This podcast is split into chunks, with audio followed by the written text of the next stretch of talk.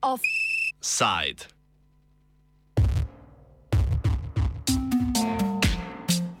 Novi Kazahstan. V Kazahstanu je potekal referendum, na katerem so državljani odločali o dopolnitvi ustave s 56 amantmaji. Spremembe predvidevajo zlasti omejitev vpliva nekdanjega predsednika države Nursultana Nazarbajeva, ki je državi vladal 30 letja in njegove družine. Glasovanja sta se udeležili dobri dve tretjini voljivcev, ki so referendum potrdili 77 odstotki glasov za. Med 56 amandmaji izstopa zlasti prepoved zasedanja političnih funkcij za Nazarbajeva in njegovo družino. Ukinjajo se namreč posebni privilegiji prvega predsednika, ki je bil dosedaj v ustavi zapisan kot ustanovitelj države. Nazarbajevu in njegovim bližnjim bo oduzeta tudi imuniteta v sodnih postopkih. Referendum je ena od srednjih sprememb nove vlade Kasima Žomarta Tokajeva, ki je vodstvo prevzel marca 2019. Tokajev je bil sicer izbrani naslednik Nursultana Nazarbajeva. Povod za razpis referenduma so bili protesti, ki so začeli januarja zaradi posledic odprave regulacije cen goriva. Upori, ki so terjali tudi smrtne žrtve, so prerasli v splošno nezadovoljstvo nad predhodnim sistemom Nazarbajeva, katerega naslednik naj bi bil tudi Tokajev. Ta se je po protestih lotil navidezne demokratizacije političnih razmer v Kazahstanu. Kakšne spremembe prinaša potrditev referenduma, pojasnjuje Claire Natal, novinarka portala BNE in Telenews. The referendum was actually on a large number of um, amendments. There, there, was about 56 in total. Uh, but the, the, key ones are really a move away from the super presidential system that Kazakhstan uh, has had until since independence until now. And the, the, some of the other important ones were, were that it will effectively strip the former president Nursultan Nazarbayev of more of the powers that he kept after he stood down. So, for example, he'll lose the title Elbasy, founder of the nation. Um, he and his family won't be immune from prosecution anymore. So I would say those those two are really the, the key ones. Like I said, there's about I think there were 56 amendments in total. That not that much time to study them in depth. Uh, even the people in Kazakhstan had asked for a bit more time to to be able to get to grips with everything that had been proposed, but that didn't happen. Sogovornica pojasnjuje, da referendum sicer predvideva spremembe statusa quo, ki je v državi vladal za čas Nazarbajevovega režima. I don't think it was particularly controversial for a start. Um, I mean, the, the general idea of um, reducing the powers of the president and indicating there was going to be a, somewhat more liberal political system would, would, would be things that would probably appeal to most people. I mean, obviously, Kazakhstan has been widely criticized as a, a an authoritarian country, and so I think really the issue, rather than the the, the proposed changes being controversial, um, I think they probably they would appeal to most people, is the question of whether they're actually what they're actually going to mean in practice. Um, so, so I can see that it got a high level of, of, backing. And actually, one thing I wanted to say about the figures, it, it was about 78% in favour. And I remember from the elections in the Nazarbayev era, you, you were getting over 90%, uh, which clearly indicated it was a rigged election. Uh, most of those elections were rigged to some extent, and, and it, I do believe that's probably a genuine, a reasonably genuine figure, that, that 78%. Um, And I, I think what they're offering was mostly things that people did want. Kljub temu, da se je volitev udeležilo veliko število voljivcev, ki so v večini podprli spremembe, pa tega ne smemo razumeti nujno kot podporo Tokajevemu režimu. Kako so potekale volitve v Kazahstanu, opiše Joana Lilis, neodvisna novinarka v Kazahstanu. As we know from today, we we, we have a, a, an overwhelming, fairly overwhelming majority of 70% of people who voted approving the changes. Turnout was quite um, respectable. Certainly, it was 68%. I mean, um, I have to say that the referendum looked, the voting day looked very much like typical election in Kazakhstan, where people kind of go out and vote, but they don't really know what they're voting for, and they're just being told to go out and vote, or asked, let's say, to go out and vote in this case. I mean, the people I spoke to in polling stations didn't really have a grasp of the 56 changes that they were asked to approve or reject in a simple yes no vote. Lilis poudarja, da si je mnogo ljudi le želelo sprememb, ki jih je napovedal referendum. Večina voljivcev ni v celoti razumela vseh 56 amandmajev, a so na vsak način želeli odmik od predhodnega režima. All the people I spoke to, in fact, said they had voted yes. Um, they simply um, said they were they wanted change. They were voting for change. Um, so it was very much. I think it was a rushed process, and I think people didn't really grasp um, what it was about. They just grasped that it was about reforms. And, um, you know, the no campaign, well, there wasn't really a no campaign. People didn't have time to organise. The referendum was sprung on people um, just a month ago. And um, so there was a, a, divide also between those who were opposed to the reforms, um, mostly because they didn't think they they go far enough. They're not comprehensive enough. They're not limiting powers, is the view of critics. Um, and those who were opposed were kind of divided between those who stayed away from the polls and those who went and voted no. Spremembe, ki jih je po januarskih protestih začel uvajati Kasim Žomart Tokajev, so za mnoge pomenili presenečenje. Tokajev, o katerem je veljalo, da je dolgo vladal v senci Nursultana Nazarbajeva, je po januarskih protestih s pomembnih funkcij odstranil vse Nazarbajevove ljudi ter napovedal korenite spremembe v politiki. Natal predstavi ključne razloge, da se je Tokajev odločil za pot proti bolj demokratični politiki.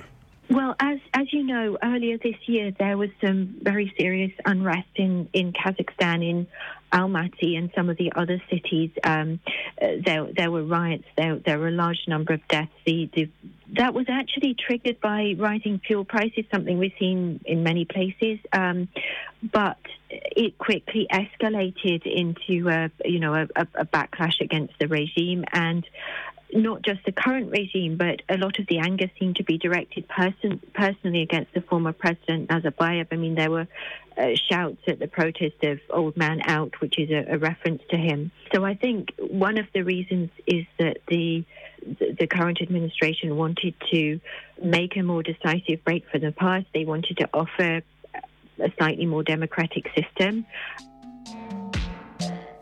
Spremembe ustave pa lahko pomenijo tudi kupovanje glasov na prihodnjih predsedniških volitvah, pojasnjuje sogovornica.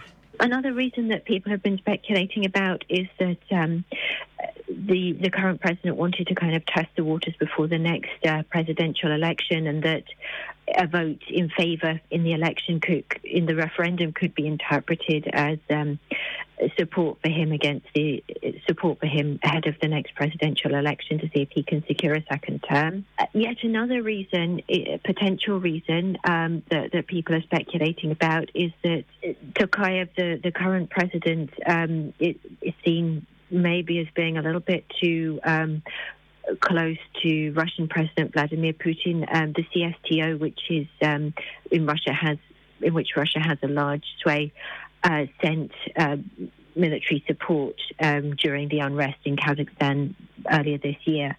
And obviously, with the war in Ukraine, put the Kazakh authorities into a difficult position um, in that they they probably they wouldn't really feel strong enough to take on Russia over that. Referendum deloma pomeni odgovor na zahteve, ki so jih protestniki izražali na januarskih protestih. Kljub temu, da je bil upor zatrt, se trenutna vlada boji novih izgredov. Januarja so morale med protestnike poseči celo ruske sile. The the protests obviously were a big worry for the government in, in Kazakhstan, for the current government. Um, but but they were also a lot of the anger was directed against the previous government. So I think perhaps Tokayev had used that to um, assert his independence from the Nazarbayev era and um, you know separate himself from from figures from the former president and other figures from that era.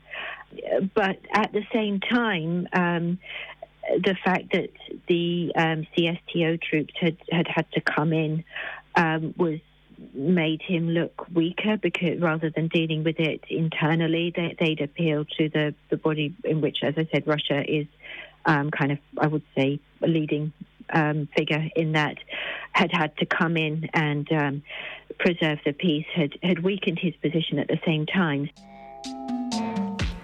Po mnenju Natal torej ne gre za pot proti demokratizaciji države, temveč odgovor na dane razmere in nezadovoljstvo državljanov. The, the referendum is just another attempt by the authorities to try to prevent that kind of um, event in future. I mean, from from my time in Kazakhstan and, and, since then, I've I've noticed that when whenever there is unrest or, or um, protest against the government, they they will give just as many concessions as they think are needed to um, calm things down and make people feel that uh, they've been listened to and that the government is taking action and and the situation is, is improving somewhat. And I, I think that's probably what this is intended as. I think it's intended to give just you know a few concessions to you know opponent to to critics of, of the government. Um, so taking away a few of those presidential powers. So I, I'm skeptical as to how how much that will happen. A zahtevam protestnikov ni bilo zares zadoščeno. Mnogo državljanov je kritičnih do nekoliko usiljenih političnih reform, s katerimi Tokajev poskuša kupiti mir v državi. I think one of the problems that, that critics are unhappy about is that in uh, January, 230 people died in civil unrest in Kazakhstan, and uh, people are very unhappy that there's been uh, rushed political reforms, partly to satisfy the the demands of protesters, although they haven't been satisfied, in fact, in these reforms. But also, people are unhappy that there's a big rush with these reforms while justice has still not been done um, for the dead and the bereaved families, and there are lots of questions over the justice system and torture. So there's a lot of un, un, un, undealt with matters in Kazakhstan, and it's not going to be solved by a constitutional referendum. Lilis povdarja, da je glavna napaka referenduma pomankanje diskurza o spremembah, ki jih prinaša 56 amandmajev ustave. V javnosti se je razširilo vse splošno prepričanje, da je referendum treba podpreti, kritično pozicijo pa so zauzeli le nekateri posamezniki na družbenih omrežjih.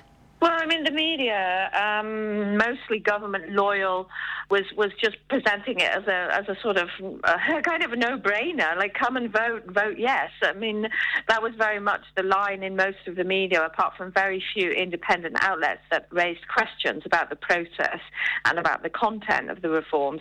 Um, you know, there was there was also lots of billboards up on the streets, um, you know, like uh, calling people to vote. Most of them were just calling people to vote, but they also showed a tick, which kind of in people's minds led them to think that they should vote yes, I should think. The only debate about whether or not this was a good idea and whether, whether or not there were limitations or whether or not these reforms are what's needed or whether they're not enough. The only debate on those kind of issues were taking place among, among individuals on social media.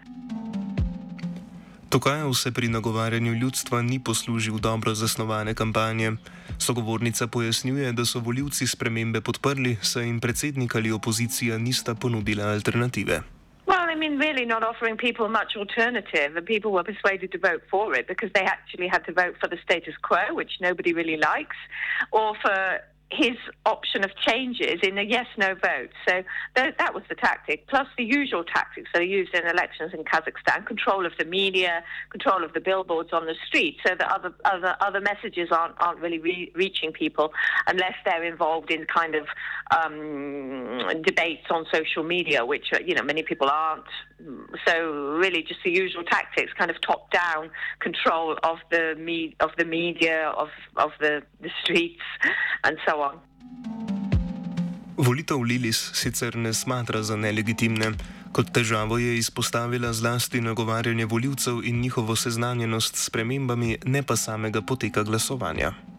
I mean, I don't, I didn't see much evidence of people, certainly in Almaty, where turnout was actually much lower than the national average in the largest city. It was 33% against 68% nationally. I didn't see any evidence of people being forced out to vote. Um, in previous elections in Kazakhstan, you know, people, students and public sector workers, teachers, doctors, they're kind of for, for, persuaded or forced or kind of intimidated into voting. I didn't see much evidence of that. But there wasn't really much court, much need for it because it was obvious that once people got out, once Tokayev got his more than 50% to pass the changes, then then there was no need to, as such, kind of force people to, to, to vote. Kazahstan torej čakajo spremembe, a ti zadevajo zlasti omejeva, omejeva, omejevanje moči nekdanjega predsednika, ne problematizirajo pa trenutne politične slike. Tokajev, ki je izid referenduma označil za dobo novega Kazahstana, pa si želi podpore voljivcev tudi na prihodnjih volitvah. Offside je pripravila Tija.